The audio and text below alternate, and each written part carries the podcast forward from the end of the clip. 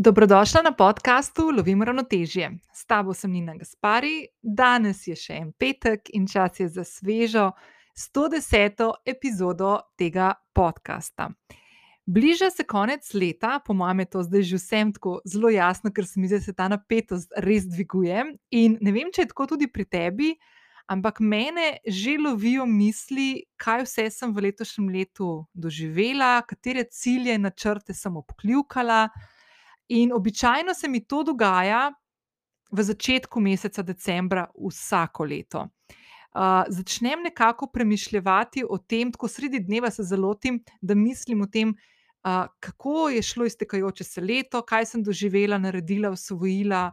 Um, a sem si zadala tiste stvari, ki sem si jih lansko leto, konec leta, uh, zadala, a sem jih pokljukala, a sem doživela kakšno tako stvar, ki me je presenetila, tudi mogoče v negativnem smislu, kaj sem se iz tega naučila.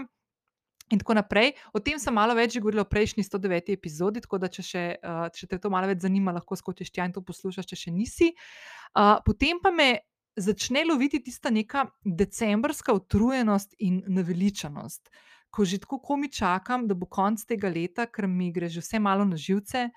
Uh, in tisti občutek, ko se koledar obrne s 1. januarjem, in vsaj meni se tako zgodi, no, nek tak občutek, da je neka nova energija, nek, ta občutek nekega novega, nepopisanega lista.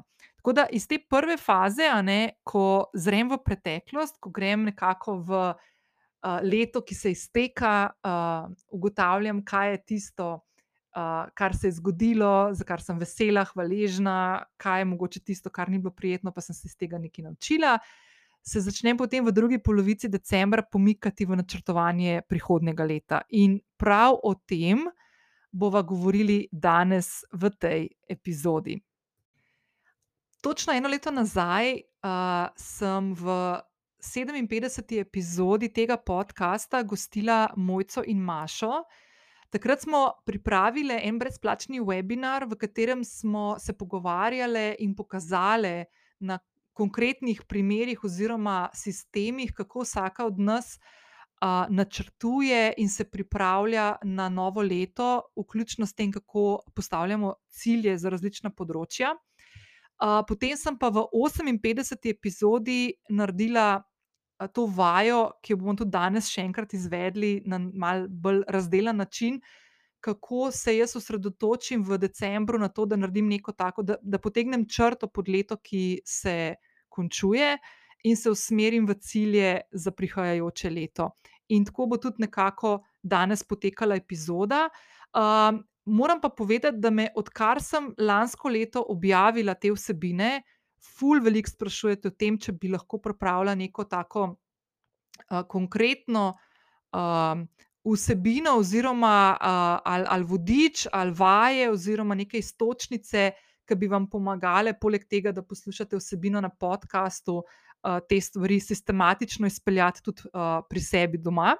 Uh, tako da, za razliko od lani, ne, sem letos res se lotila tega sistema. Mal zato, ker sem ga čist egoistično sama rabila, zdaj v zadnjih tednih se tudi jaz malo lovim in že ful razmišljam tam nekje od sredine septembra o letu 2022, in sem se spomnila, da bi bilo mogoče fino, da se tudi jaz za decembr malo bolj pripravim.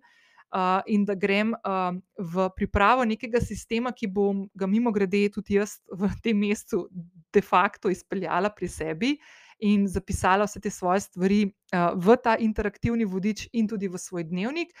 In uh, vesela sem, da prav z današnjim dnem lahko ta vodič z vajami uh, ujameš tudi v moji spletni trgovini. Uh, vključuje pa, kot sem rekla, od tega, da se posloviš na nek tak lep način, zaokrožen način od leta 2021, in se potem pripraviš na to, da začneš načrtovati cilje, namere za leto 2022. Ta vodič vključuje vaje, vključuje pa še eno stvar, ki se mi zdi full fine in ki bom danes tudi malo več o tem govorila. Eno je, da si postavimo neke uh, cilje in namere in želje in spremembe, ki jih želimo upeljati v svoje življenje, drugo pa je, da potem res skozi leto, ko se zgodi življenje, ko se zgodijo vsakodnevne stvari, uh, in malo pozabimo na te stvari, ki smo jih zapisali decembra meseca, da dejansko pogledamo in spremljamo naš napredek, in spremljamo, uh, kaj dosegamo, kako nam gre, kje so tiste mogoče slepe pege, ki jih lahko mogoče skozi leto še malo fine-tunamo, uh, in da res potem na koncu naslednjega leta, ko se bomo spet zbrali tukaj v mogoče že kakšni epizodi, malo pred 200. Da, se, da naredimo spet eno tako refleksijo leta 2022 in ugotovimo, da smo ogromno enih stvari dosegli, uh, izkusili, uh, se naučili, uh, do, um, doživeli, in tako naprej.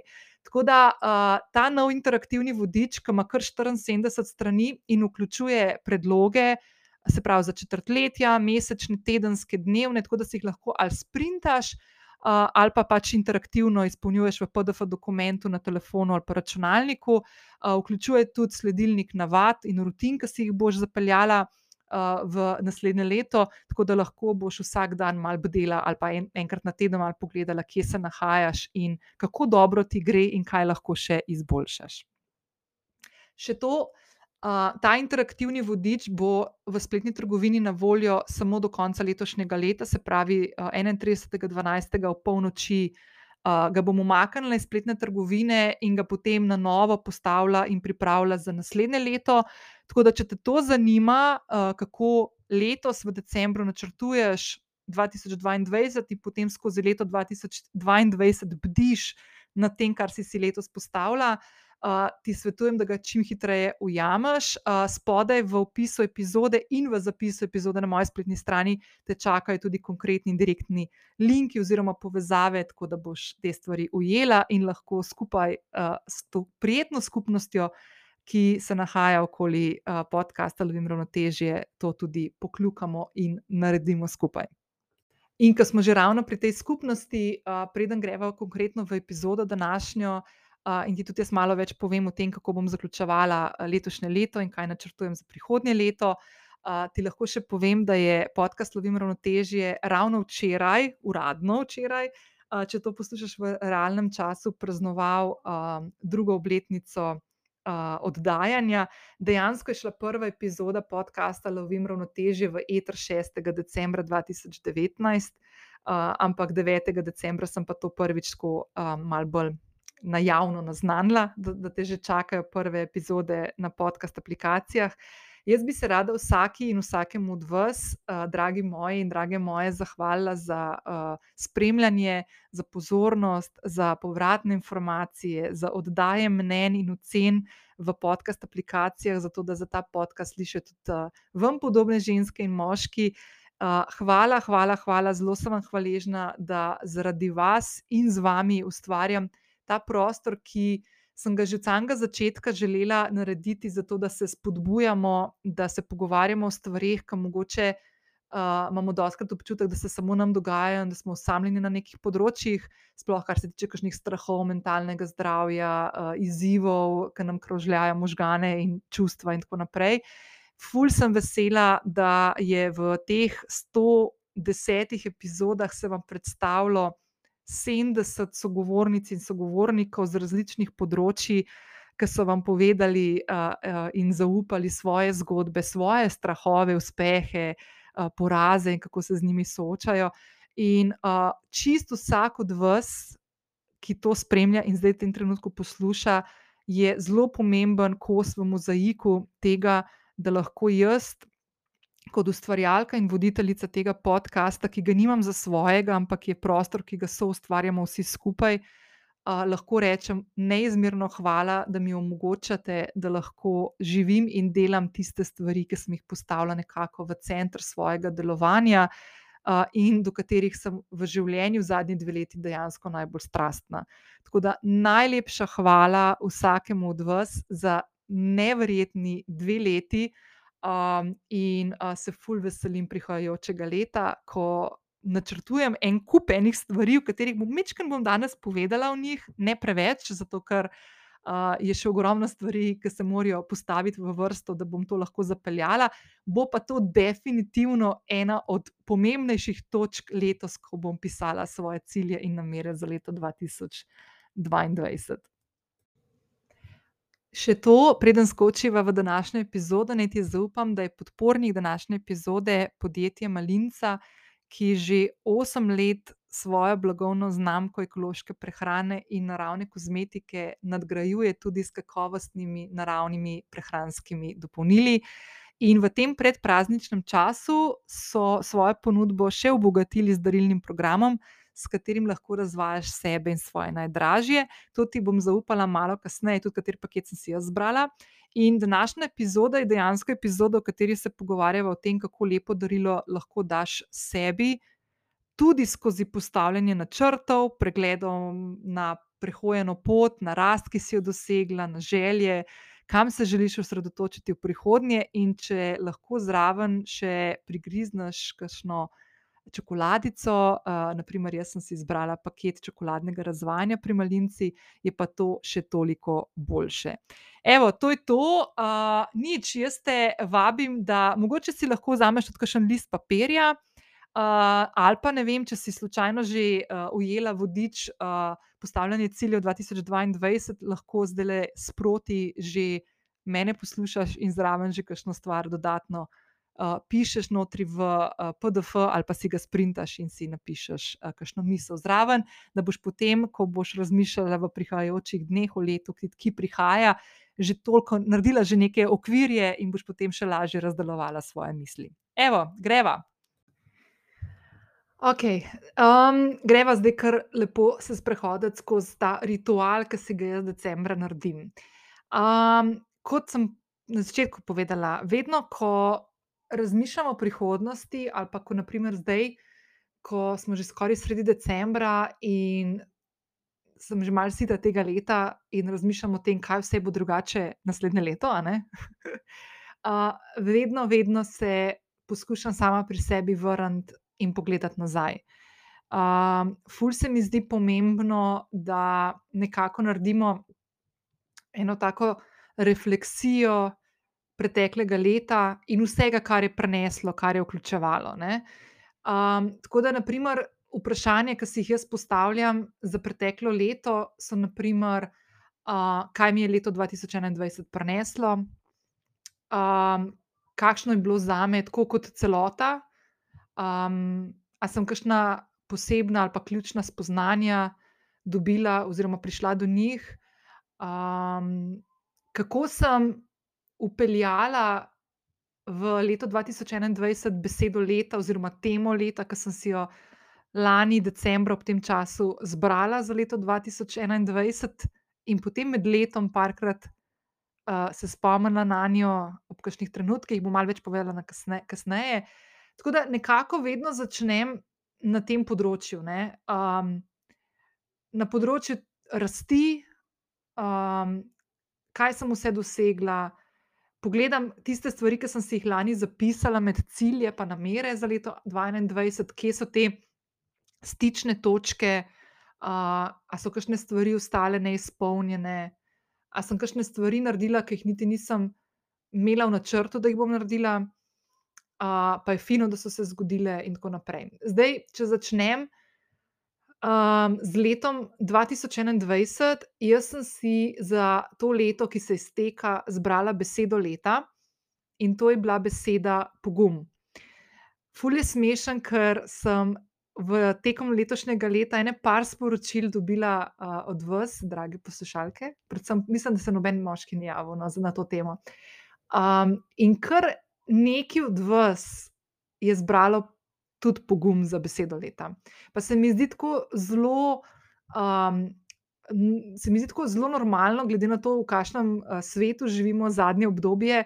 Uh, se mi zdi, da je ta pogum kar tako organsko se propeljal. Tudi vem, da je nekaj mojih prijateljev uh, zbralo to besedo, brez da bi se o tem pogovarjali prej.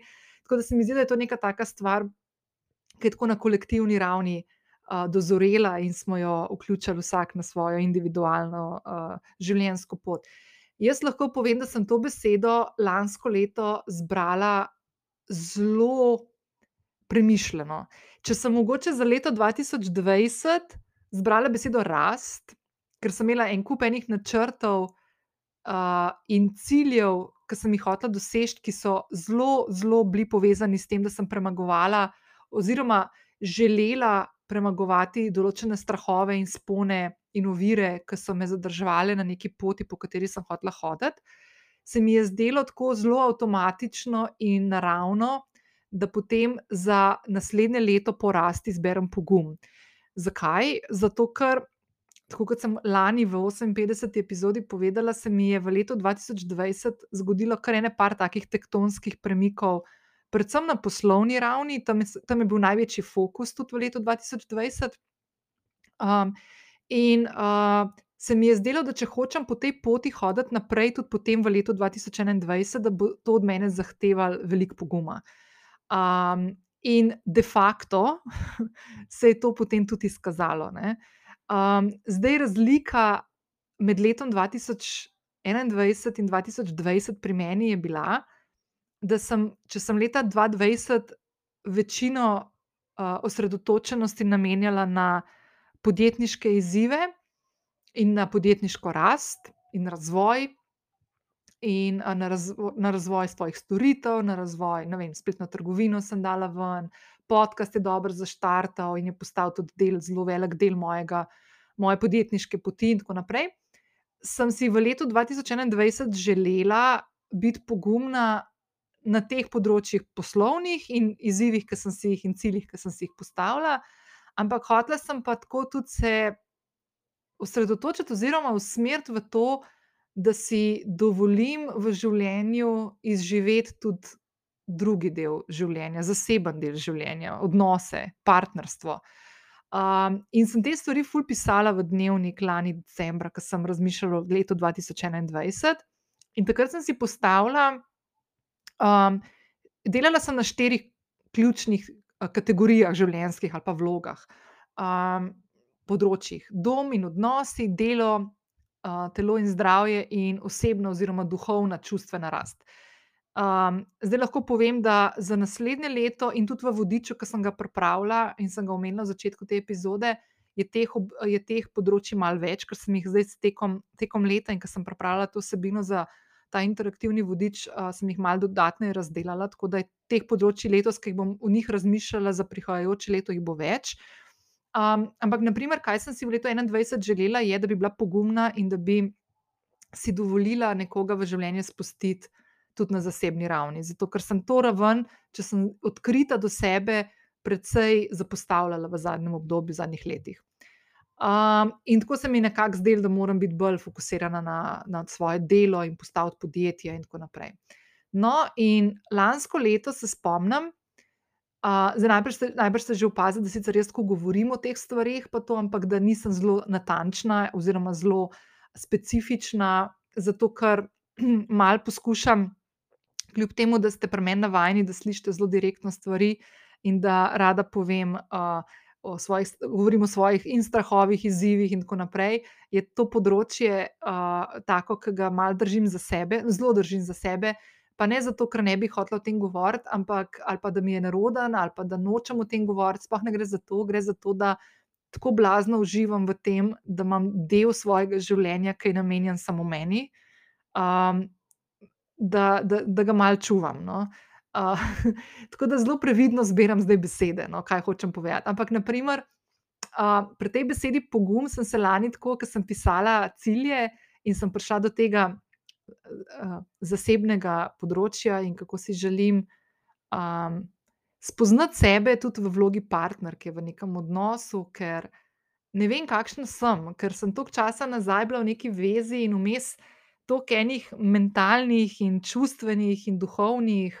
Vzponov v življenju naredila in dala čez, da, da niti nisem vedela, kakšna bom v nekem odnosu.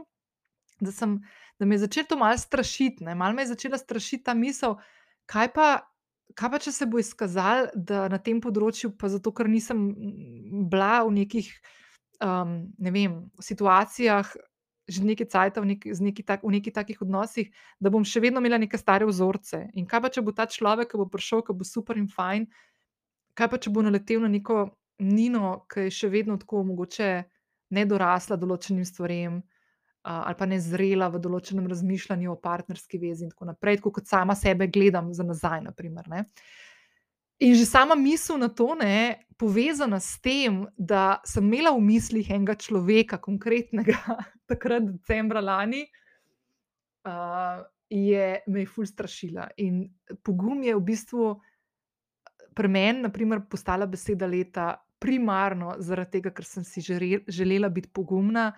In uh, biti pogumna takrat, ko bi, če bi v prihodnosti prišlo do tega, da se kakšna stvar razvije s tem dotičnim človekom, ali pa mogoče, če bi kakšen drug prišel, ne vem, ne, da bi bila takrat pogumna in bi si dovolila skočiti v, v, v, te, uh, v neka taka obzorja, ki sem jih mogoče takrat strašila še decembra.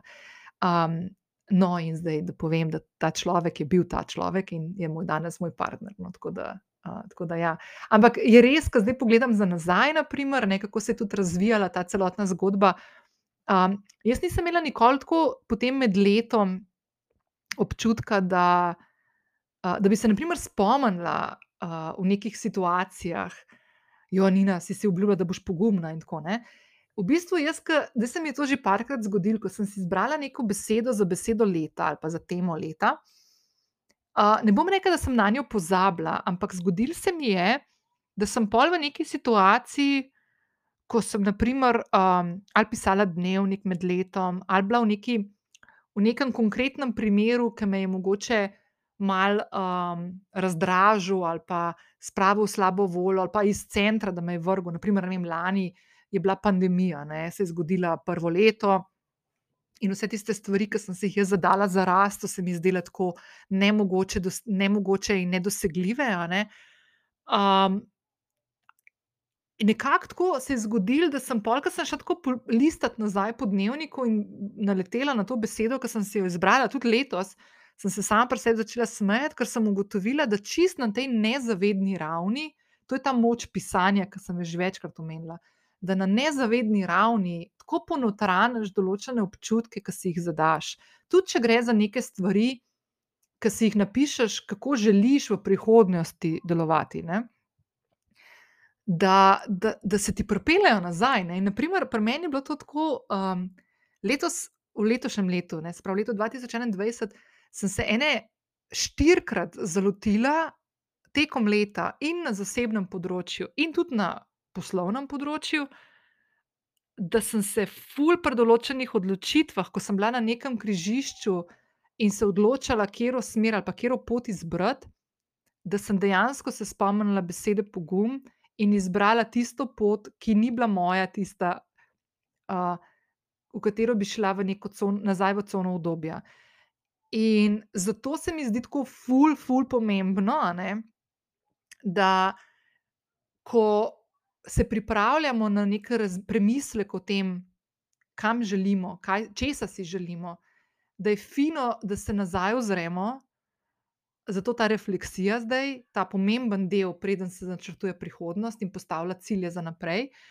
Da, da pogledaš nazaj in dejansko ugotoviš ne samo to, kaj vse si dosegel v nekem obdobju, naprimer, če zdaj govorimo o nekem iztekajočem letu, ampak tudi, kje si se lovil na kakšnih um, odločitvah, izzivih, pacih, usponih, uh, kakšnih situacijah, ki so zahtevale od tebe določene uh, odločitve ali pa, ali pa sprejemanje nekih novih izzivov, ki so ti.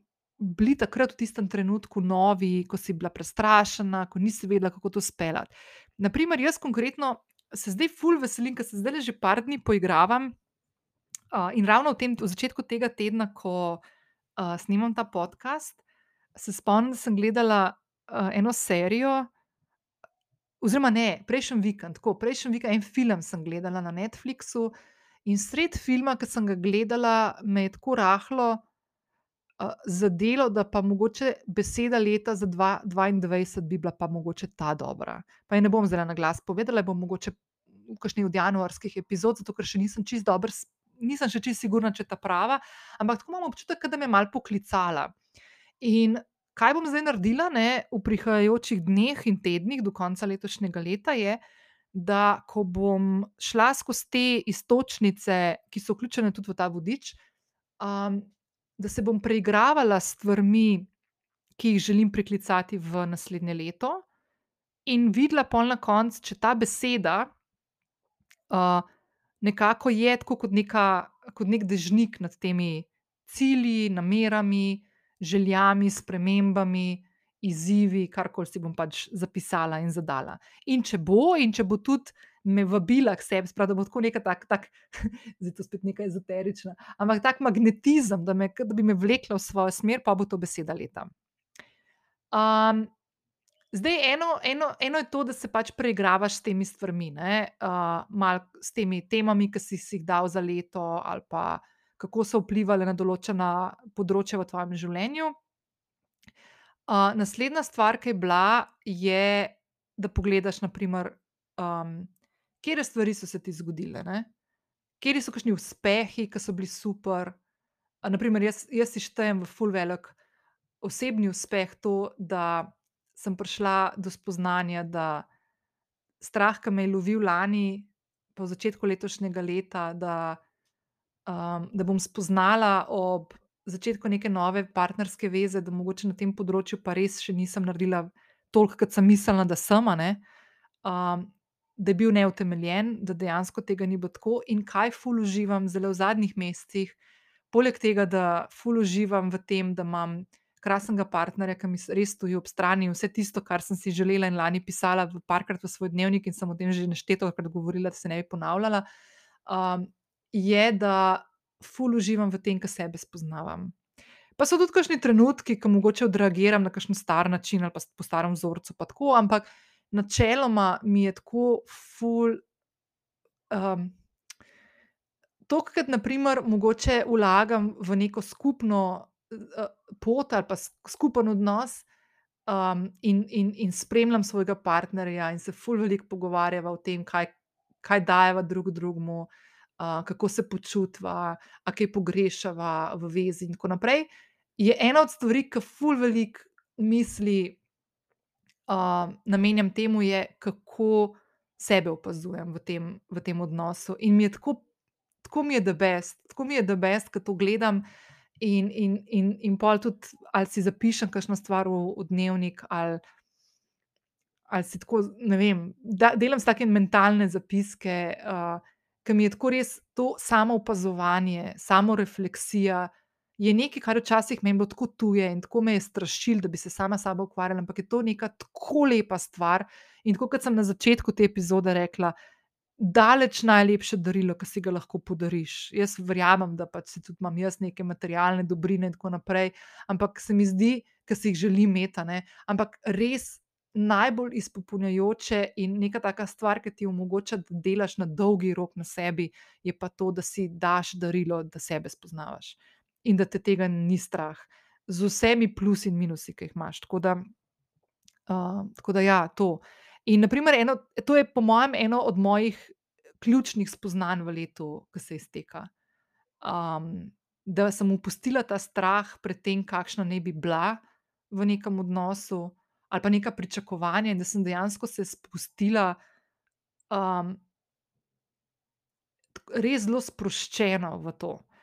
Um, in mi je ful, ful, lepo to opazovati. No? Tako da, evo, in to je bilo ful pogumno. in by the way, če sem zelo iskrena, ker mi je tako krmal, ker imam kurjo pot, zdaj se mi zdi, da je tako krmal pogumno, da o tem zdaj govorim, ker so to res take stvari, ki nisem pričakovala, da bom danes povedala. Um, okay, no, naslednja stvar je to, da kakšni vzponi, paci, uspehi, neuspehi.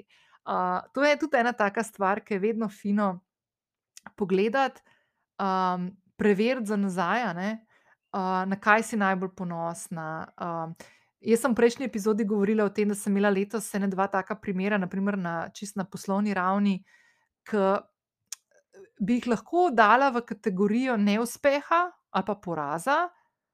Um, ampak jih ne bom, zato ker oba ta primera sta prišla z enim zelo, zelo specifičnim namenom. Uh, to, da presekam vzorce delovanja, in to, da se pogumno postavim sebi v bran, kar sem imela prej kar mali zive v preteklosti. In obe te stvari sem poklukala, in sem te, te, dve, te oba ta dva dogodka, oziroma te dve izkušnji, ko sem izpolnjevala te vaje oziroma te istočnice, ki so tudi v tem vodiču, sem jih dala na koncu pod uspeha, ne pod neuspeha. Tako da tudi, ko se ukvarjate z neko tako zadevo, mogoče, ki se je letos zgodila, pa na prvo žogo deluje kot nek poraz, dejte se malo vprašati, ok, če ga že ne morem postaviti pod uspeh. Dajmo nujno vsaj pogledati, kaj nas je ta zgodba ali pa ta izkušnja naučila. Ne samo pustiti tam v zraku, naprimer, ne vem, izgubila sem službo ali pa, um, ali pa naprimer, razšla sem se s partnerjem. Um, Dajte to malo bolj celostno pogledati, svoje občutke, svoje spoznanja, kaj se je potem zgodilo. Ali je kakšna stvar se zgodila naknadno, ki je povezana s tem, pa do zdaj niste niti povezave našli. Um, to je vedno tako full fine delati. No? Um, Tleh lahko pomaga še ena stvar, ki si jo jaz tudi rada malo zabeležim. Naprimer, kjer so tri ali pa pet, no, sej, lahko je tudi več, ali pa lahko je ena, vse vse. Največja zmaga v letošnjem letu, v letu 2021. Naprimer, moja največja zmaga je definitivno to, da sem si dovolila spustiti nekoga blizu. Um, to je naprimer na zasebnem področju. Naslednja zmaga, ki je, je, da sem letos malo vmes pozabila skozi leto na tisto lansko spoznanje, ključno, ki je bilo, kako pomembno je, da, da spustimo nadzor. In sem se letos ene dvakrat zalotila, zelo v zadnjem obdobju, no, zid, mogoče bo še večkrat v letošnjem letu, da sem spet začela ful nadzirati, oziroma spet sem hotela ful nadzirati potek določenih stvari, in sem tako kar mal začutila, da grem mal z glavo v zid, in sem se mogla ustaviti in potegniti tisti občutek, ki sem ga lansko leto občutila, ko sem spoznala, kako pomembno je to da spustiš te, uh, to nadzorovanje in kontrolo in občutek kontrole. In moram reči, da sem imela ful izziv to nekako tako ponotrant, um, da bi mal pozabila, kako se to naredi. Um, ampak me je ful vodil ta občutek, da se spomnim, kako sem se takrat lani počutila, ko sem to naredila. Uh, kako sem se lansko leto, konec leta, počutila, ko sem refleksijo pretek, uh, iztekajočega leta 2020 delala in sem to izpostavila. In, sem, in me je nekako ta občutek vodil v to, da sem počasi, počasi začela spuščati, in dejansko prišla do tega, da sem spustila in rekla: Maklinc, kar bo, bo ne. in dejansko so se pol stvari začele mal vrteti drugačno. Tako čisto iskreno. Tako da, ja, evo, naprimer, jaz mislim, da tako, te dve zmagi bi, naprimer, rečemo, da izpostavila. Eno je to, da sem spustila nekoga blizu na tem pod, na intimnem področju, drugo pa, da sem, da sem spet redefinirala ta občutek um, opuščanja nadzora. Um, pa, naprimer, kaj se je zgodilo, da si res lahko ponosna na nekaj? Naprimer, ne Jaz, naprimer, letos, ne vem, meni je bilo letošnje leto tako, če gledam zdaj poslovno, mi je bilo ful bolj naporno kot lansko, pa mi je tako res čudno, no? zakaj, zakaj temu tako, ker se mi zdi, da je bil lani res tak bizar. Tak, tak, ne vem, že tista pandemija, ki se je začela, ki nas je vse vrgla z tera. Sem mislila, da letos smo pa že malo tega navajeni, tega ritma. Ampak meni je bilo letos, na primer, ful bolj naporno. In pri samih projektih, in pri pridobivanju projektov, in pri vodenju komunikacij z naročniki, z ljudmi, s katerimi sem sodelovala, ne vsemi, nekateri, nekateri par takih je bilo tako res. Tako se mi je zdelo, da se vračamo v neke stare vzorce in nek, na, nek, na nek način neko, neko komunikacijo, ki se mi zdi, da sem presegla. Um, in mi je bilo tako pravno, pa kaj hudiča je letos, da se to dogaja. In se meni tako malo zdi, da je mogoče letos to, no, sploh zdaj v jesenskem obdobju ta občutek, ki ne vemo čisto dobro, na čem smo, pa kaj bo jutri, spet to malo nadzorovanje, ne veš čisto dobro, kaj se bo zgodilo, in tako naprej, ker smo vsi v nekem tem limbu, če zelo zbanaliziram. Ammo sam kostančke jedel decembra po mestih, ali bomo lahko tudi se kam usedeli zunaj, pa popilka še nove kuhano vino, ali pa ne vem, si vse kaj ne neki. Um, take stvari, no, tako se dogaja na neki taki kolektivni ravni, na katere pač mi nimamo nekega um, vpliva, ampak vse tako zarežejo nas in smo malo tako nekje vmes in ne vemo čist dobro, kako sploh načrtovati naslednji korak. In meni, na primer, letošnje leto je tako, ne vem, noro in sem ful ponosna na to, da se zdaj vrnem k temu, na kaj sem najbolj ponosna. Da kljub vsem tem, ki sem že tako parkrat si mislila vmes, da ne da se mi več to delati, da sem nekako ustrajala pri tej svoji odločitvi, ki sem jo sprejela dve leti nazaj, kaj hočem delati, in da sem ostala zvesta tem stvarem, ki jih hočem početi. Pa ni bilo lahko, moram reči, da ne parkrat. Ene parkrat je bilo tako res že kar težko, tudi kar nekaj solz je bilo pretečenih. um, tako da ni bilo tako zelo enostavno. No? In sem ful ponosna, da lahko rečem, da letošnje leto zaključujem na način, da stvari, ki sem jih naredila, ki sem jih delala, so stvari, ki jih želim početi, ki, ki jih rada delam in katerih sem dobra. In ki sem jih postavila v nek center svojega delovanja. Eno stvar sem tudi v tem tednu izpostavila na, na Instagramu, ko sem objavila, da je, um, da je podcast Lumino težje, star dve leti, je naprimer tudi to, ne, da ful ni enostavno vsak teden pripraviti vsebino za epizode. Uh, pa ne mislim jamrati tukaj, ne gre za to, ne, ampak če izhajam iz tega zornega kota, da ful spoštujem vaš čas um, da ful spoštujem pozornost, ki usmerite na to, da poslušate moj glas ali pa glas kakšnega od gostov ali pa gosti, ki sem jih imela tudi v letošnjem letu in leto prej. Uh, imam neko tako dožnost, da se pripravim na, na vsebino, ali pa, ali pa kot naprimer danes, a nekaj malo freestylam, da vsaj poskušam biti, ne poskušam, da sem iskrena, in da govorim iz svojega srca. Sej, kakšne stvari mogoče ne povem čisto vse. Naprimer, kot zdaj, ki sem povedala, da sem v letošnjem letu imela kar ene par takih občutkov, ki so me lovili, da bi naj še vse neki dala na stran, pa se lotila česa drugega. Uh, med drugim tudi podcast, ker je pač je, kar vzame svoj čas in energijo. Um, ampak se mi zdi ful pomembno, da o teh stvarih tudi govorim na glas. Če mogoče takrat nisem, ker sem hotela te stvari malo predelati, kje so razlogi ali pa viri teh razmišljanj in, uh, in misli. In um, tako da lahko danes, naprimer, ki tukaj pred mikrofonom sedim v svoji domači pisarni in obsijana malo soncem tukaj v Ljubljani, ki se je končno malo pokazal, da lahko povem, da, da je naprimer, med drugim razlog, da se je to zgodilo tudi to, da sem prišla spet znova do spoznanja, da stvari, ki jih delam, predvsem ta podcast, je ena od najbolj ključnih stvari, naj, sem najbolj strastna do tega, tako da noč bat, nikamor ne gre. Ampak sem ful ponosna, ker sem konec koncev si dovolila ta prostor za to raziskovanje, da sem na koncu prišla do tega, do te do, dodatne in ponovne potrditve, da to, kar počnem, je prav, da to počnem. Tako da sem se naučila, da si je treba čas vzeti, da je treba prespati stvari. Tudi večkrat prespati, ne samo enkrat. No. Tako da, uh, da se iz tega nekaj naučiš, in da si mogoče naslednjič, ko te spet ujame, kakšne take misli, pustiš prostor, uh, zato da predelaš neke poraze, neuspehe ali pa uspehe in, uh, in, in, uh, in neke izzive, ki si jih preskočil. Zdaj, kot sem že prej omenila, uh, lani v 58. epizodi, ko sem govorila o ciljih za 2021, sem izpostavila ta štiri področja: um, dom in odnosi, delo, telo in zdravje, in osebno oziroma duhovna čustvena rast. Ne?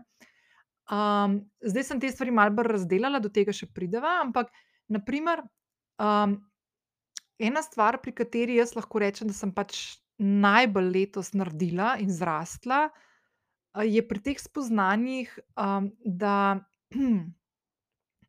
kako pomembno je, da v življenju najdemo nek način, kako lovimo ravnotežje, dobesedno. Naprimer, uh, ta velika sprememba v mojem življenju letos, ko se je zgodila s tem, da sem se zaljubila in da sem dejansko začela obkljukavati te stvari, ki sem si jih zadala, da si želim pač nekoga, da si želim neko partnersko zvezo, da si želim partnerja imeti ob sebi, ki mi bo stal ob strani, ki, uh, ki bo. Um, ob katerem bom lahko spustila neke tiste svoje strahove pred zavrnitvijo in pred razočaranjem in pred strtim srcem in tako naprej, ki sem jih imela iz preteklosti, ki so bile posledica nekih vez, ki niso bile ta prave. Um, je pripeljala na koncu v realnosti, v mojem vsakda, vsakdanu do tega, ne, da se je to moje življenjsko ravnotežje mal porušilo. Oziroma, ne porušilo, mogoče je to napačna beseda, ampak je nekako tako se preveslo. Ne? Če sem prej toliko in toliko energije vlagala v delo, pa se usmerjala v um, vem, svoje podjetje, podjetniško pot, sem v letošnjem letu ogromno ene energije oziroma osredotočenosti, a, časa, a, e namenila partnerski vezi, pravi nekemu zasebnemu delu življenja. In avtomatično se je zgodilo, ne, da je ta tehtnica se prevagala na na na drugo stran. In jaz sem skozi leto tam nekje že poleti ugotovila, no, da se je temu primerno se pozna tudi na poslovni ravni to, da se meni nekaj drugega dogaja, da se meni nekaj dogaja na drugem področju življenja, ne. Na primer, a, a, bila sem precej, a, mogoče bolj zadržana pri tem, da se da bi se osredotočila na to, da, a, iščem nove priložnosti, nova nova, nove projekte ali pa da razvijam neke ideje, kaj hočem vnaprej delati, ali pa na primer, da bi razvijala neke dodatne vsebine, da bi jih dala v obliko, digitalnih izdelkov na spletno stran, ker jih imam še ful enih idej napisanih, pa sem jih imela v planu letos narediti, pa pač ni šlo, zato ker sem imela fokus drugje. In je čisto okej, da je tako, nič ni narobe s tem, nočem zdaj tukaj jadati, ampak samo hočem povedati, da sem v letošnjem letu malo tako dobila spet tisto, se mi je vrnilo nazaj tisto, kar sem že parkrat omenila tudi v podcastu tukaj, da kako pomembno je, da si dovoliš v življenju prostor za to, da odkrivaš in reodkrivaš, a, oziroma na novo odkrivaš neka polja zato, da usklajuješ neko svoje življenje na način, ki ti ustreza v nekem trenutku. In na to sem se jaz letos ful osredotočila oziroma skozi sem imela tako malo v mislih, ker na primer sem si pomislila ali pa sem si rekla: "Učitelj, pa daj daj tako malo, no, daj bolj delaj stvari ali pa ne vem, daj malo manj tam sanjaj pa to sanjavo glej pa pa se sprehajaj tam z njim, ne. Daj malo kaj tako naredi, ne." Sem si mislila: "Ne, v bistvu ne, to sem si želela, to sem dobila, jaz ne bom zdaj od tega stran bežala in zaposlila svoje misli z nekimi drugimi stvarmi, če je to tisto, kar sem si toliko časa želela in klicala in priklicala končno, in jaz hočem zdaj temu dovoliti, da se da to izživim, ne." Pa naj še eno stvar povem, no, da ne bo to tako zdaj izgledalo čudno. jaz v odnosu, v katerem sem, je tak, da imava oba svoj svoje življenje, se pravi, in jaz in moj partner imava oba svoje delo, oba veliko časa in energije usmerjava v svoje delo, v rast, v v v v rutine in navade, ki jih imava oba, vsak svoje, in nisva tako prilepljena kot siamska dvojca dvojčka en na drugega, tako ful si puščava prostora, da ga imava vsak zase, in pol valjda tudi veliko časa skupaj preživiva, ampak po navadi so te stvari tako na vikend osredotočene, ampak tako med tednom se pa vidiva valjda zvečer pa tako, ampak čez dan imava pa pač vsak svoje stvari, ne. Tako da da ne bo zdaj to tako, da midva če piva cele dneve skupaj in jaz pač, ne vem, ali pa on ne ne delava in ustvarjava, v bistvu ful ustvarjava enih stvari, glede na to, koliko koliko se nama dogaja tudi tako drugače izven tega, ne. Ampak vseeno, tako pridejo neka taka obdobja. Jaz sem na primer spoznala tako enkrat tam v začetku septembra, me je malo ujel ta strah, da šit, jaz nimam pa nobenega konkretnega projekta za naslednje štiri mesece, kaj pa zdaj, ne. In pol sem šla ugotavljat, zakaj pa temu tako, ne, in dejansko je bilo letošnje poletje prvo tako poletje v ne vem koliko dolgem času, ke sem ga jaz tako res preživela tako na off, tudi podcast je šel malo na off, kot ste opazili, in sem si res tako privoščila, tako da sem bila res, res sem se spočila, in ko sem počivala in ko sem bila na morju in ko sem potovala tam okrog po Italiji in to, nisem veliko časa namenjala temu, da bi razmišljala o tem, kaj bo septembra oziroma kaj bi, kako bi se pripravila na naslednjo na naslednje jesensko obdobje. Nič narobe s tem, ampak hočem reči, da na primer naslednje leto bom sploh v teh poletnih mesecih, ko sem po navadi in je to nekaj normalnega, smo manj učinkoviti oziroma manj produktivni in je to čas, ko ki je namenjen tudi temu, da si vzamemo čas za počitek, ne, je je v bistvu tako, da bom nekako poskušala že prej se malo bolj pripraviti pa si še vedno vzeti pol čas na off, a ne, ampak mogoče malo bolj pripraviti na to naslednje zaključni del leta, recimo, no. In to je tisto lovljenje ravnotežja, ke se mi zdi, da je na primer letos tako res do izraza prišlo, ne. Tako da evo, to je tudi ena taka stvar, ke bi jo lahko zapisala na to, kaj na kaj sem najbolj ponosna, to, da sem si dovolila to, da nisem, da tudi ke me je začela loviti kakšna slaba vest ali pa neko samoočitanje, da sem te stvari zelo hitro znala ustaviti. ali pa na primer tudi za to bi lahko tudi napisala pod kakšno svojo zmago, na primer, ne. zdaj še ena stvar, ke meni vedno ful fino tudi malo tako narediti tako, ke se lahko malo bolj pozabavamo, ne, eno je to, da kar sicer res dnevno prakticiram uh, v mislih, pa niti več tega ne pišem, toliko v svoj dnevnik, naprimer, uh, ker sem se že tako navadila te stvari, da tako skozi malo razmišljam o tem, je, kaj, čemu, čemu ali pa komu sem najbolj hvaležna v letu 2021. Um, pa je tako en kup enih stvari se tle zgodil, ki sem jih danes že naštela, da se ne ponavljam. Ne? Um, ampak v bistvu, če zelo uh, poenostavim, jaz sem sama sebi najbolj hvaležna. Tako, res, ker sem si ful pustila in dovolila določene stvari narediti, ki si nisem mislila, da se jih bom upala. No? To je spet tisti pogum zdaj. Ne? Tako da ja. In pol naslednja stvar, ki jo vedno najraje delam pri tem, ko grem delati refleksijo za staro leto, je, da pomislim na kakšne trenutke lepe. Ne? Na kakšne lepe trenutke, ki so se zgodili, in jih napišem, in si jih skiciram. In to je naprimer v tem vodiču, ki sem ga pripravila in ki ga lahko danes naprej ujameš do konca meseca. Um, je cela stran namenjena temu, imaš prostora celo stran pisati, kot češ in kot te veseli, ali pa risati noter v kvadratek. Um, jaz sem tle, na primer, dala ena taka ful, ful, lepa stvar, ki se mi je zgodila letos. Je, uh, da sem v, na potovanju med, uh, po Italiji, pod, po v večjih regijah sem bila, konkretno tle v Toskani. Uh, sva z mojim dragim prišla v eno mestece, v eno vasico, Montalčino.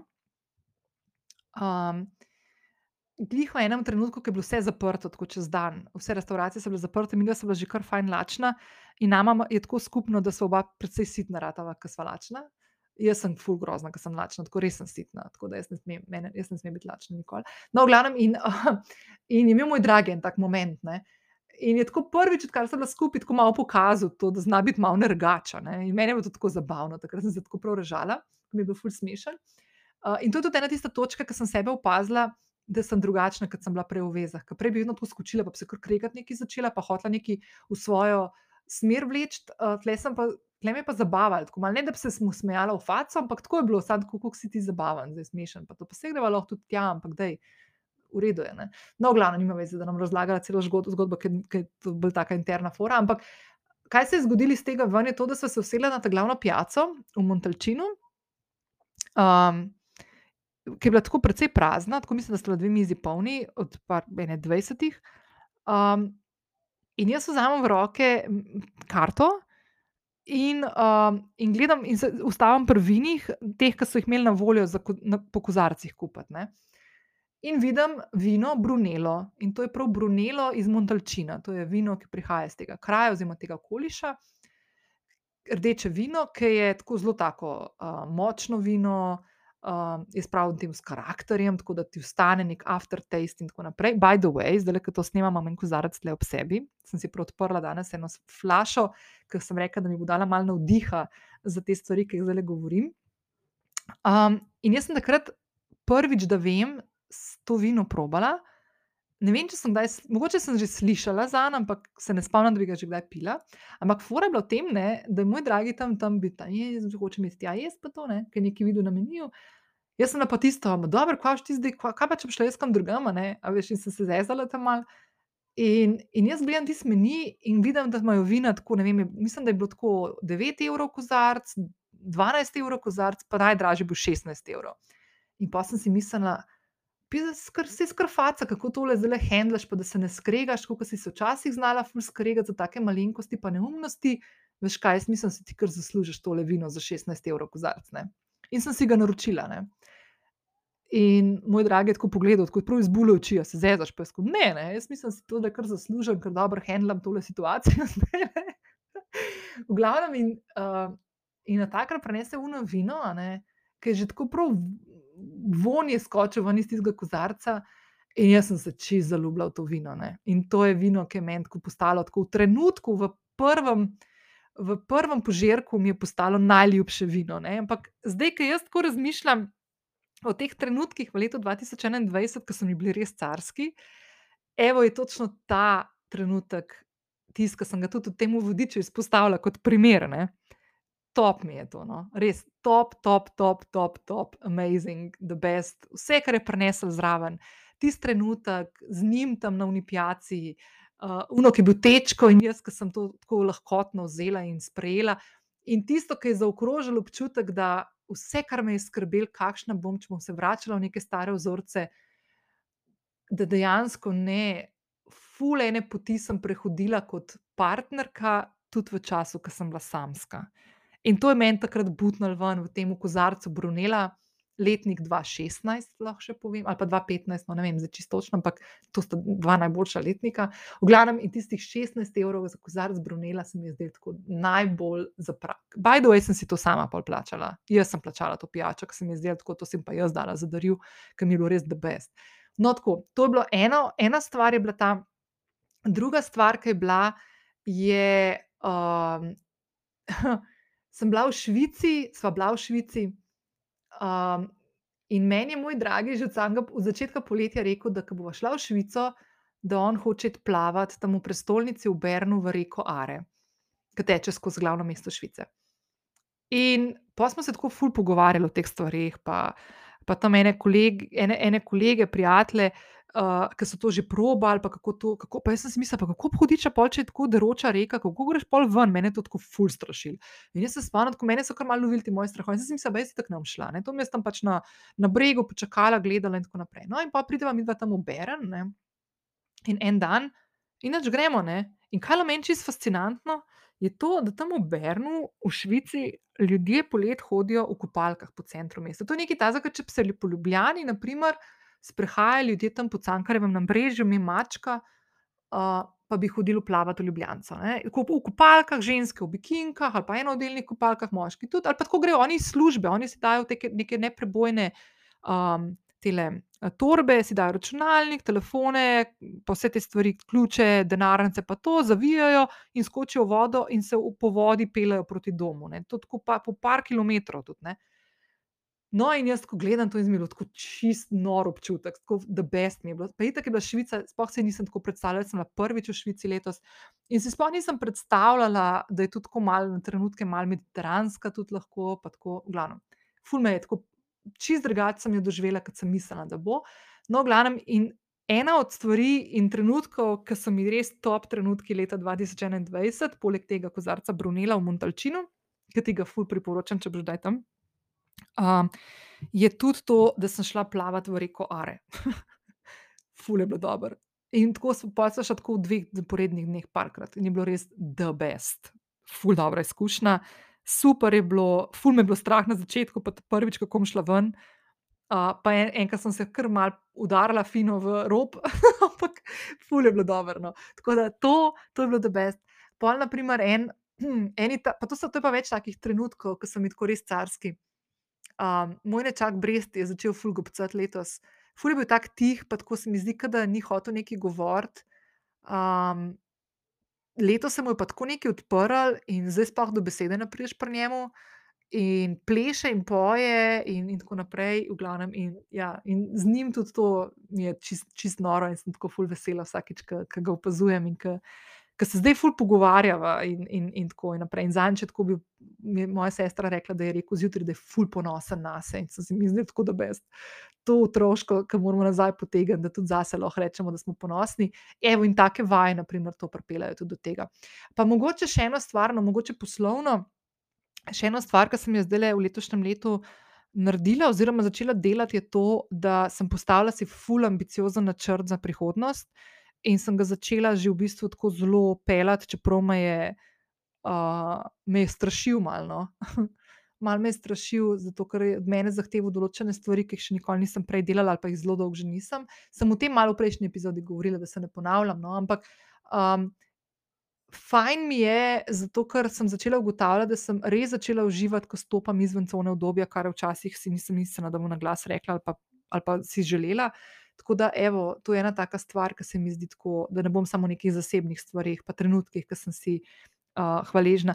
Uh, trenutek, ki sem si ga bila najbolj hvaležna letos na podjetniški poti, je bil ta, da sem dejansko uh, pripravila en tak načrt um, na parih stranih, ki mi služi tudi kot neka orientacija in predstavitev za.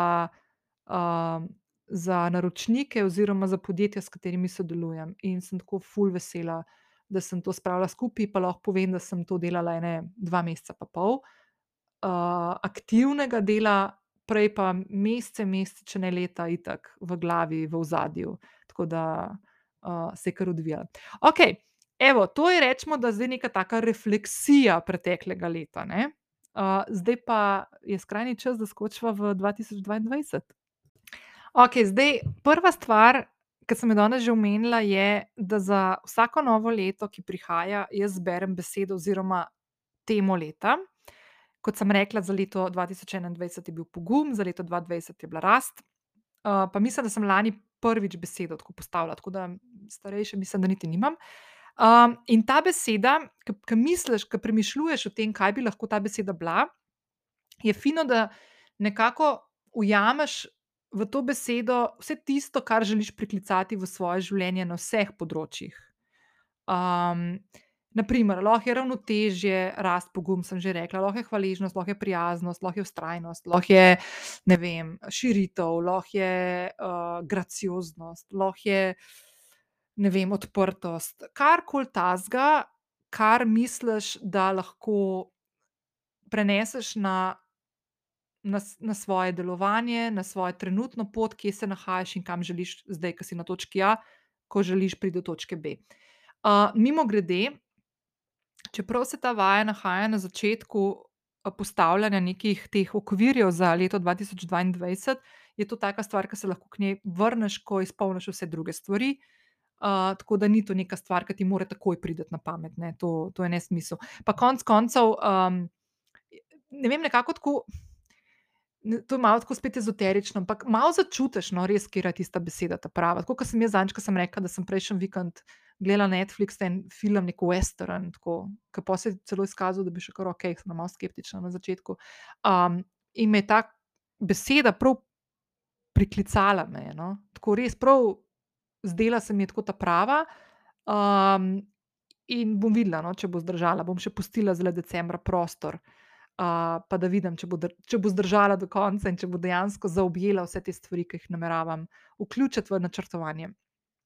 Um, to, kot sem prej govorila in omenila, kako sem jaz to lansko leto postavila pogumne, uh, konkretno lahko razmišljaš o določenih stvarih. Ne? Naprimer, jaz sem lani razmišljala tako, ok, se pravi, letos je bila rast, dobro sem to upeljala, dejansko sem rasla na vseh področjih.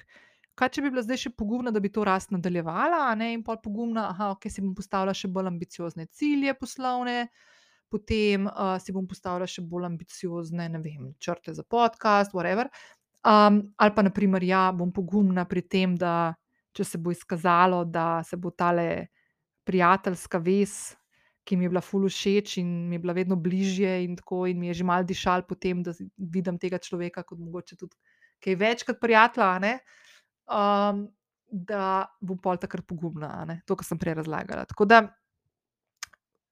fajn je no to, da ko razmišljaš o tej besedi, da se postaviš v današnjo perspektivo. Ne? Kaj lahko konkretno že danes narediš, da to besedo lahko že začneš kar malo uporabljati, pa vključevati ali v svoje odločitve, kakšne ki jih imaš, ali razmišljanja, ki te, ki te lovijo v teh dneh, in tako naprej.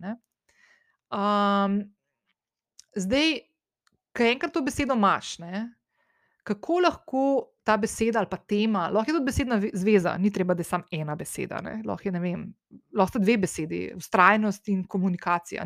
Pač, karkoli ti zgodi, to ni, ni, ni napačnega odgovora. Vse, kar si boš zbrala, uh, je pravilen odgovor, oziroma pravilna izbira in odločitev. Uh, zdaj, ena stvar je tako, ne, kako lahko ta beseda, oziroma ta namera, ki jo daš, ali pa ta tema, ki si jo postaviš, vpliva naprimer, na tvoje počutje, na dojemanje tebe, kako ti sama sebe dojemaš, uh, kako dojemaš pot, po kateri hodiš, ali pa pot, po kateri želiš hoditi. Uh, kako vpliva na vloge v življenju, ki jih igraš. Um, naprimer, da je tako ful banalen, ful banalen primer. Uh, tako res banalen, sploh ne vem, zakaj mi je to padalo na pamet, ampak evo, da sem čista iz srca, da danes tako s freestylom to epizodo. Um, letos se je zgodila še ena taka stvar z mojim nečakom, ki je tako, ki sem si mislila, barabica. Um, v glavnem, jaz se tako ful smejem, pač jaz nimam otrok, to že vi tako vemo, nimam te izkušnje, nimam izkušnje z ogromno enimi stvarmi, ki pridejo s tem, da imaš otroka, ne. Vključno s tem, da pleničko zamenjaš, ne, in ja, sem že zamenjala pleničke Brestu, nečaku, ampak vedno so bile polulane pleničke, ne, vedno. in jaz sem tako že od samega začetka, ke je bil Brest še res ful majhen dojenček, tako se zezala malo, no, ampak mene je to res malo strašilo, ke mi to pač tako res, saj vem, da ste se zdaj ful smejali, ampak pač meni je to tako res nekaj, ne vem, ne ne bom kakšne grde besede uporabila, ampak res nimam izkušnje s tem, no, in zdi se mi, da bom zafurala in da bom napačno dala in pol itak ne bo in bo vse narobe, no, v glavnem.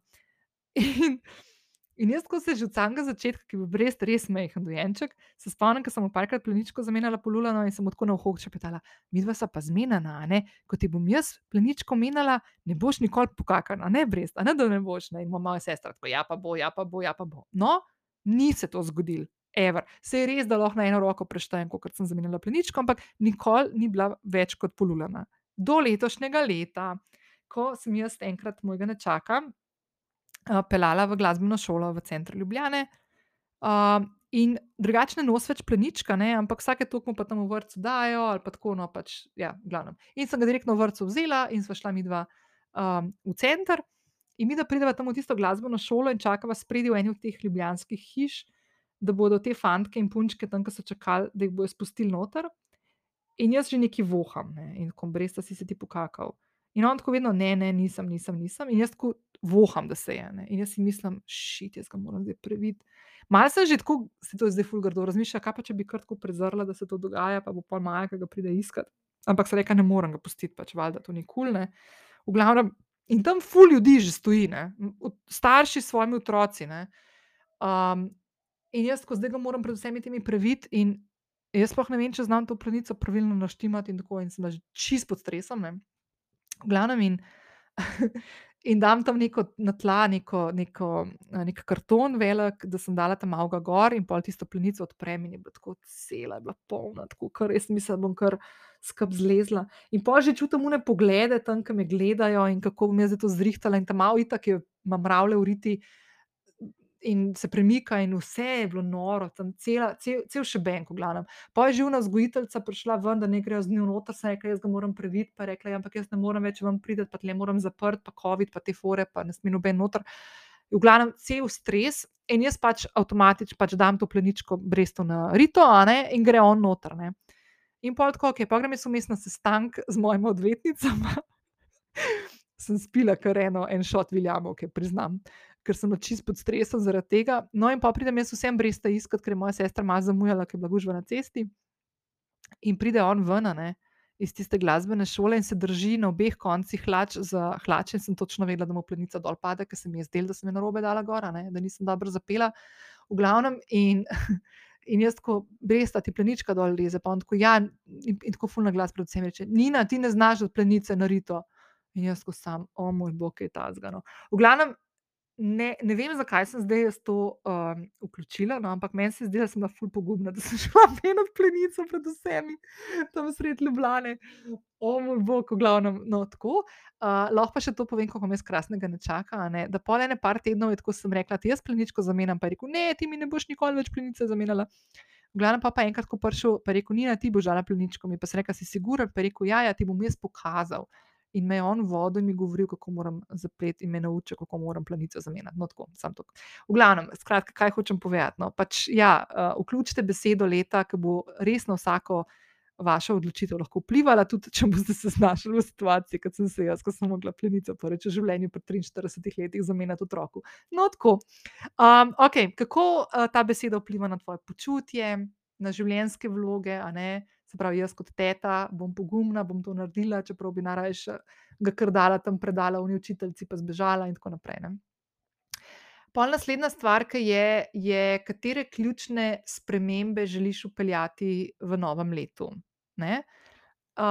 in ta del je ful pomemben in ti bo ful pomagal zato, da boš pol, ke boš začela postavljati konkretne cilje, lahko iz tega imela to kot neko, kot neki okvir oziroma temelj, na podlagi katerega boš pol postavljala konkretne cilje, in do tega prideva v nadaljevanju.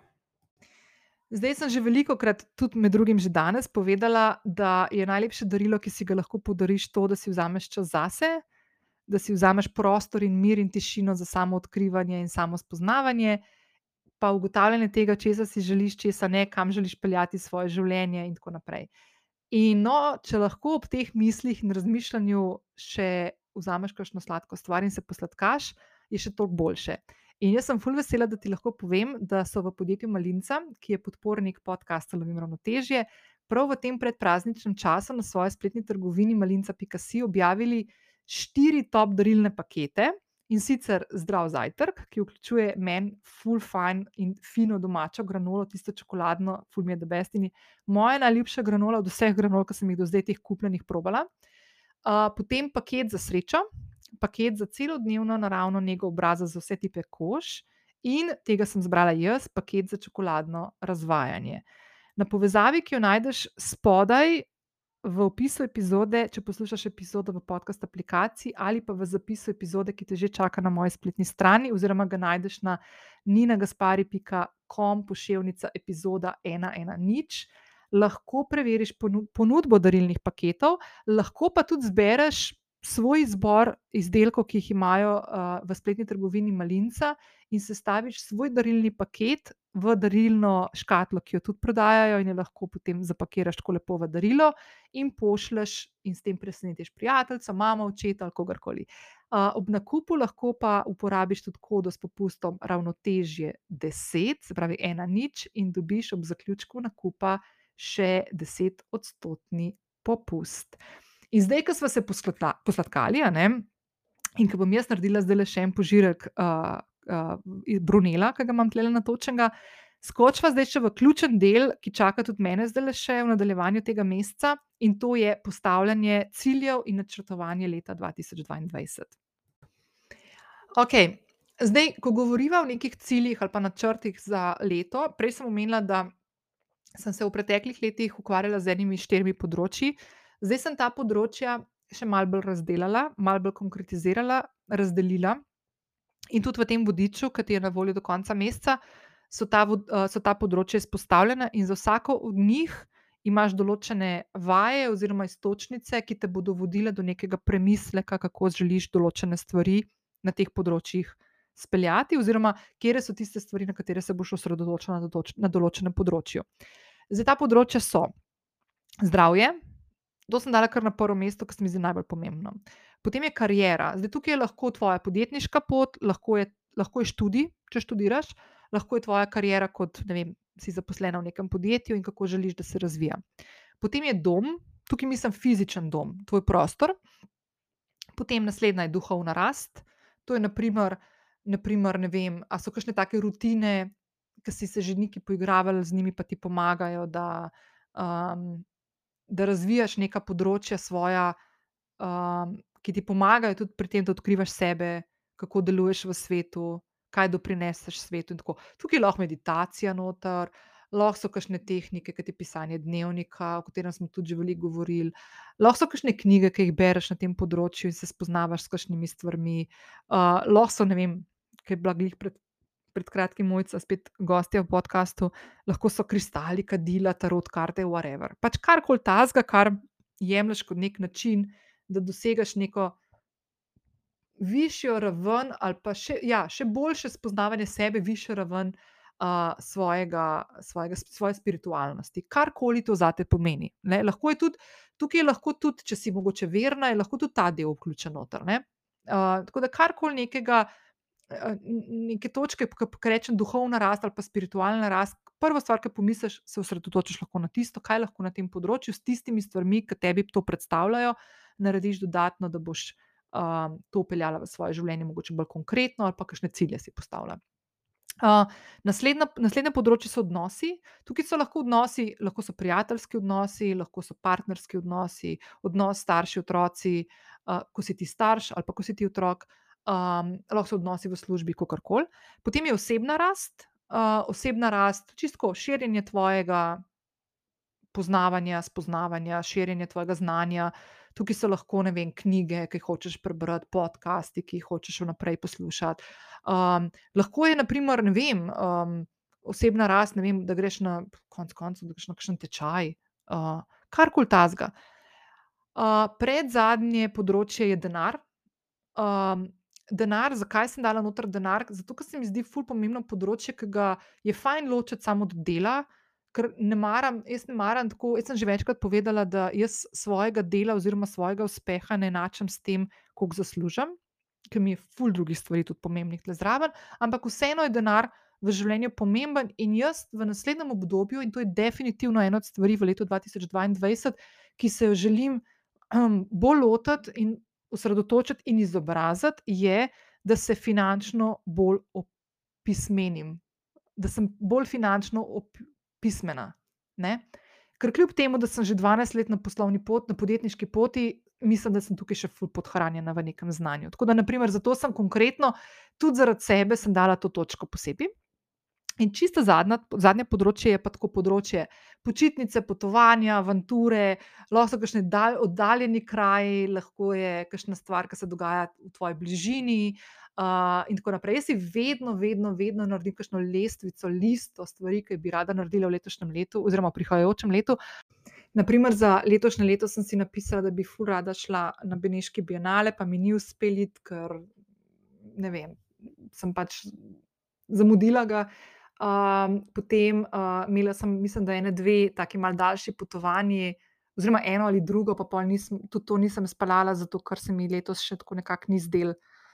Ne vem, tako malo imam, mal imam ta strah prediti na letalo, pa nekam odpotovati v teh razmerah, ki smo. Tako da sem rekla, da bom še kakšno leto počakala, ampak mislim, da bom pa za naslednje leto tako res malo bolj naplanirala, pa tudi kakšno tako malo daljše potovanje upeljala noter v svoje, v svoje leto, oziroma v načrte za 2022. Zdaj, ena stvar, ki um, je vključena tudi v ta vodič in se meni zdi full fine, ker jaz se ponavadi, ko naredim v svoj dnevnik, um, je, da ko vse te stvari napišem, kaj želim in tako naprej, probam ključne stvari, um, sploh te neke cilje, take mal. Da jim rečem, na vednicah, lifestylerske, naprimer potovanja ali pa ne vem, take stvari, uh, ali pa naprimer vrčevanje. Jaz te stvari pol ponavadi uh, še dodatno zapišem in izpostavim na en list papirja v mojem dnevniku.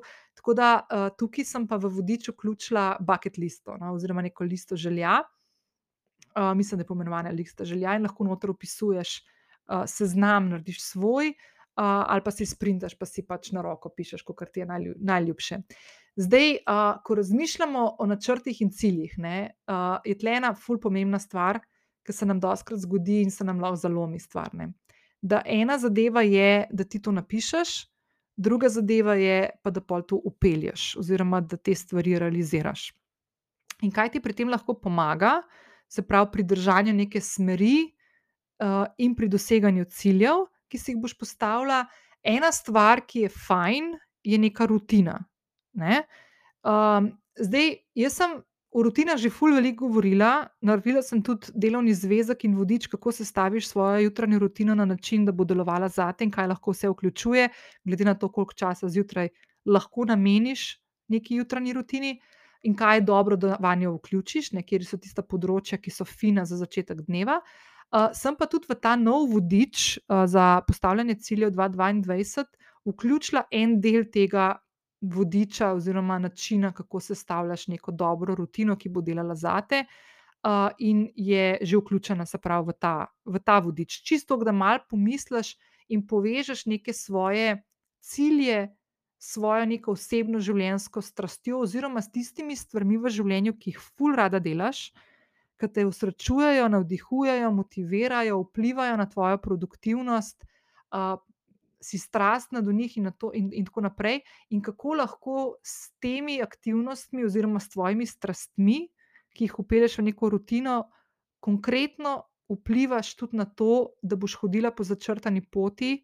Da boš pri tem uživala, imela vedno občutek, da si kapitanka svoje ladje, ki ji rečeš življenje, in da dejansko boš tudi z nasmehom na obrazu prišla do teh ciljev, ki si jih boš zastavila. Tako da to je ena od stvari, ki, ki lahko pomembno vpliva na to. Tako da v tem vodiču um, boš lahko malce poigrala s temi stvarmi, uh, ki jih rada počneš, in razmislila o tem, kako lahko iz tega narediš neko rutino, ki ti bo pomagala.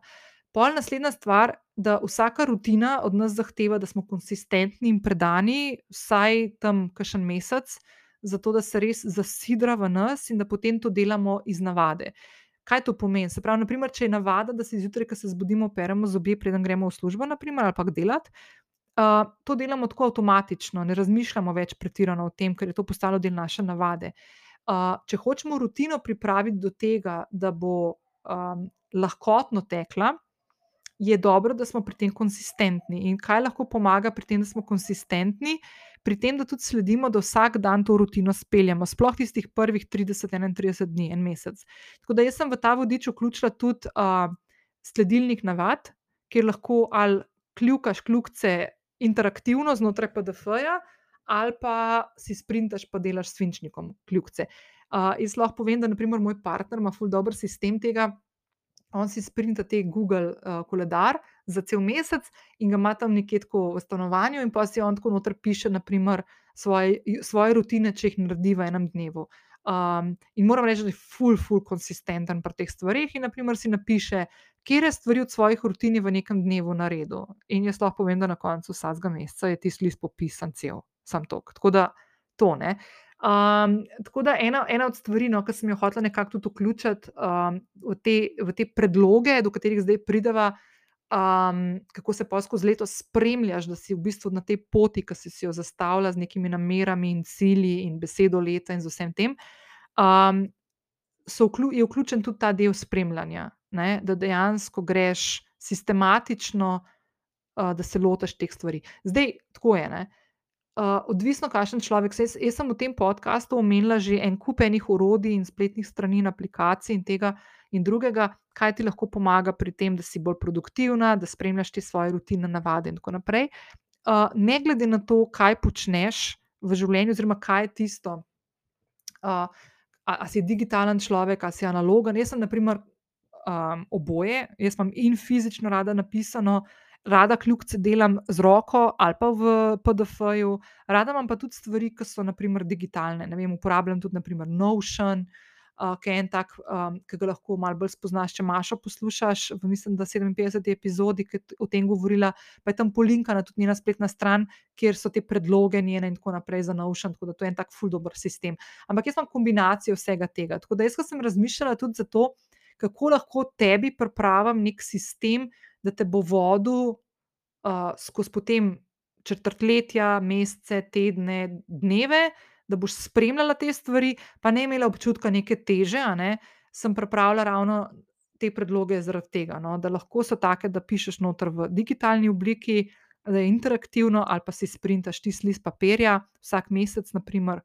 Pa, pa imaš to naprimer, na delovni mizi ali pa na, ali pa na hladilniku zalepljen, kako koli. No?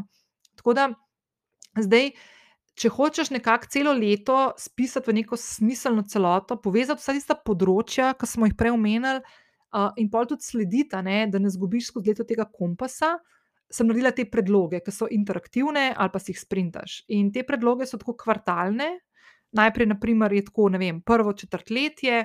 V prvem četrtletju se bomo osredotočila na, in so pol tiste ključne stvari, ki te čakajo, naprimer januarja, februarja, marca, Uh, potem, je, uh, potem si napišeš, naprimer, kaj je tista stvar, ki bom najbolj um, jo izpostavila v naslednjih treh mesecih, uh, kje so tiste stvari, kje so tisti cilji iz tistih ciljev za celo leto, ki jih želim v tem delu leta uh, doseči, um, in osredotočena bom pa na to stvar. Naprimer, in potem naslednja stvar, ki je, je, da imaš vključen tudi sledilnik teh navad, ki jih spremljaš namero lahko napišeš, ključne projekte, na katerih boš delala v teh, v teh mesecih, in tako naprej.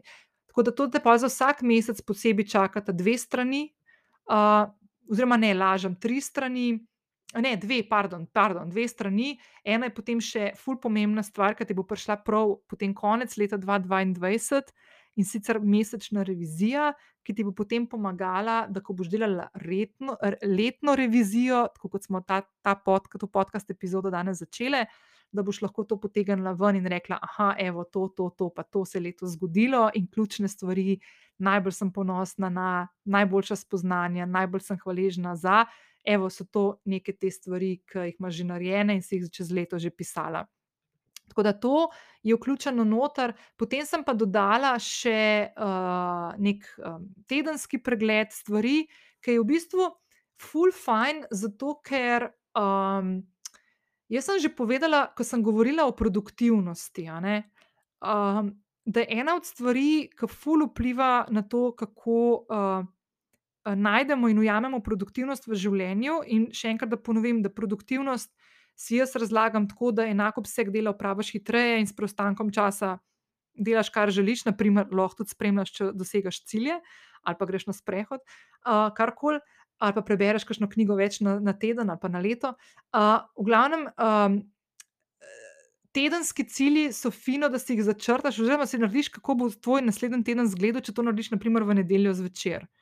Zakaj? Zato, ker imaš nekako že skiciran plan za prihajajoči teden in lahko to dramo, ki vem, da se pri meni ustvarja, če pozabljam vmes ali pa dobim nek mail in levo in desno, pa konstantno tako, ok, čakaj, sorry, zdaj si moram to zapisati, drugače pozabljam, skozi neka mini panika v meni, ampak te stvari dejansko lahko, lahko narediš v nek tak sistem, ki je že postavljen in ga, naprimer, vsakeč, vsak teden vam potegneš. Isto velja z dnevnimi cilji, ki je tudi posebej stran predloga narejena, In to mi je pa full fajn, naprimer, um, da en večer prej narediš cilje za naslednji dan ali pa tiste ključne stvari, ki te čakajo v naslednjem dnevu. Zakaj je to fajn imeti kot nek del večerne rutine? To sem enkrat tudi ali pa parkrat že omenila, da če en večer prej začneš svojo jutranjo rutino, ne, pomeni, da boš zvečer, ko se boš ulegla pojstvo, ali pa ko se boš naredila vem, jogo zvečer, ali pa meditacijo, ali pa, ali pa sam, ko boš šla spat, ne boš razmišljala o tem, kaj te naslednji dan čaka, ker si te stvari že vse nekam spisala. In veš, da zjutraj, ko se boš usedla za mizo ali pa ko boš prijela telefon v roko, točno veš, kje te čakajo zapisane stvari in izpostavljene tiste ključne točke, ki te čakajo naslednji dan. Ful bolj to spiva, uh, vpliva na sproščenost, na uh, na, boljše, na to, da hitreje zaspiš zvečer in da boljše spiš čez noč, da se ne zbujaš in, in, in preverjaš, če dejansko te, če imaš vse stvari pod kontrolo. Tako da, evo, to so, to so stvari, ki so nekako vključene in se mi zdijo tako res, ful, ful, ful, pomembne. Pa še ena stvar. Ne, um, ne glede na to, kako se lotiš nekega načrtovanja, ali pa, naprimer, se ti to zdi brez veze, pa tega ne narediš, nič narobe. Jaz lahko za sebe povem, da sem mogoče dajemo tako vtis, da imamo vse v življenju fulno planiran. Jaz mislim, da mogoče, če dajem tako občutek, ne dajem ta pravga. Jaz ful, ful enih stvari puščam odprtih. Um, zdaj le v zadnjih letih še toliko bolj, ravno zaradi tega, ker sem, sem že danes govorila o tem, da probujem uh, opuščati ta nadzor, pa nadzorovanje. Pa um, ampak se mi pa zdi pomembno, da se neko pot začrta. Ne? Uh, zato da nimaš tega občutka, da kar nekaj lebdiš, pa da nekdo drug vpliva oziroma poskuša vplivati na to, kako bo tebi življenje potekalo. Jaz mislim, da je prav, da to iz tebe pride. In ravno zaradi tega ko sem sestavljala ta vodič, imela konstantno to v mislih, da v vsakem trenutku lahko v ta file, pa če si sprintaš na list papirja, pogledaš, kje so tiste stvari, ki so te pomembne, kje so tiste stvari, na katere se želiš ti osredotočiti, in kje v nekem trenutku, ko to pogledaš, se ti nahajaš na tej poti, ali da si dosegla že te stvari, ali se bližaš tem, da boš to usvojila, ali pa da si še na začetku, ali pa si padla nazaj, vse vse, ampak da veš, kje se nahajaš. Um, občutek, ki ga dobiš. Da si ti tisti, ki vodiš, ki, vo, uh, ki vodiš življenje, ki ga živiš, je ful, ful, ful, dragocen. In jaz to velikokrat povem, ko govorim naprimer, tudi o tem, zakaj, oziroma nekem življenjskem poslanstvu in tako naprej. Um, jaz sem do teh spoznanj prišla v zadnjem obdobju svojega življenja. In vsak od nas pride takrat, ko je najbolj pripravljen, kar je najbolj super in fajn, in takrat smo tudi najbolj dovzetni za take stvari, da jih implementiramo oziroma vključimo v svoje življenje. Ampak jaz si ful želim, oziroma vsakmu želim, da pride prej do teh spoznanj. Zakaj? Zato, ker je življenje tako lepo, prijetno in predvsem lahkotno, ko dobiš občutek, da si ti tista, ki kreiraš svojo realnost. Vse je en kup enih stvari, ki se nam dogajajo in odvijajo okrog nas, na katere nimamo vpliva, pa vsem konkretno vplivajo na nas in na naše življenje. Mislim, da je bilo tega zdaj v zadnjih dveh letih na, na, na spidu, ne, na nekih konkretnih drogah, globalno gledano, ne imamo vsi tega že malo dost. Ampak ne glede na to, tiste neke trenutke mira in umirjenosti, ki jih lahko ujameš, ko čutiš, da stvari, ki jih delaš, izhajajo iz stvari, ki si jih sam zapisal, je ful, ful, dragocen. In ni težko priti do tja, je pa fino, če imaš nek okvir ali pa neko orodje ali pa, ali pa nek um, sistem, ki te skozi to vodi, zato da pri sebi razmišljaš, kaj je tisto, kar je te pomembno. Vse, kar sem jaz danes povedala, vključno s tistimi pleničkami, ne zdaj se. Uh, je, je del moje poti, je del mojih nekih izkušenj, trenutkov, spomnov, pacov, izzivov, priložnosti in tako naprej. Ampak to so bile moje stvari. Jaz sem jih hotela povedati, zato da vidite, um, da vsaka prva, ki to posluša, oziroma tudi fanti, se ste tudi le moški, tako da tudi vas pozdravljam, sem se zato navadila, da žensko spolo govorim. Vsak od nas ima v življenju neke podobne te izzive in, in, in usmeritve, in cilje, in želje, in namere, in spremembe, ki jih želi upeljati. In mogoče ste kakšno stvar vmes, ki ste me poslušali, prepoznali tudi pri sebi.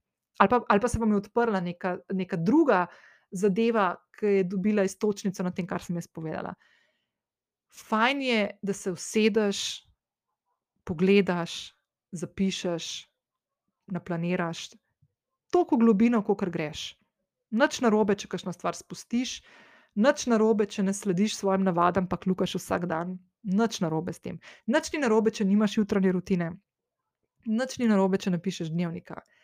Je pa lahko to full fine urodje, da prideš do tega, da naprimer letos izpolniš, ta vodič, pa se ti zdi tako, da ga s težavo, kakšno stvar napišeš, ker ne veš, čem, kaj bi noter napisal, kakšen kvadratek.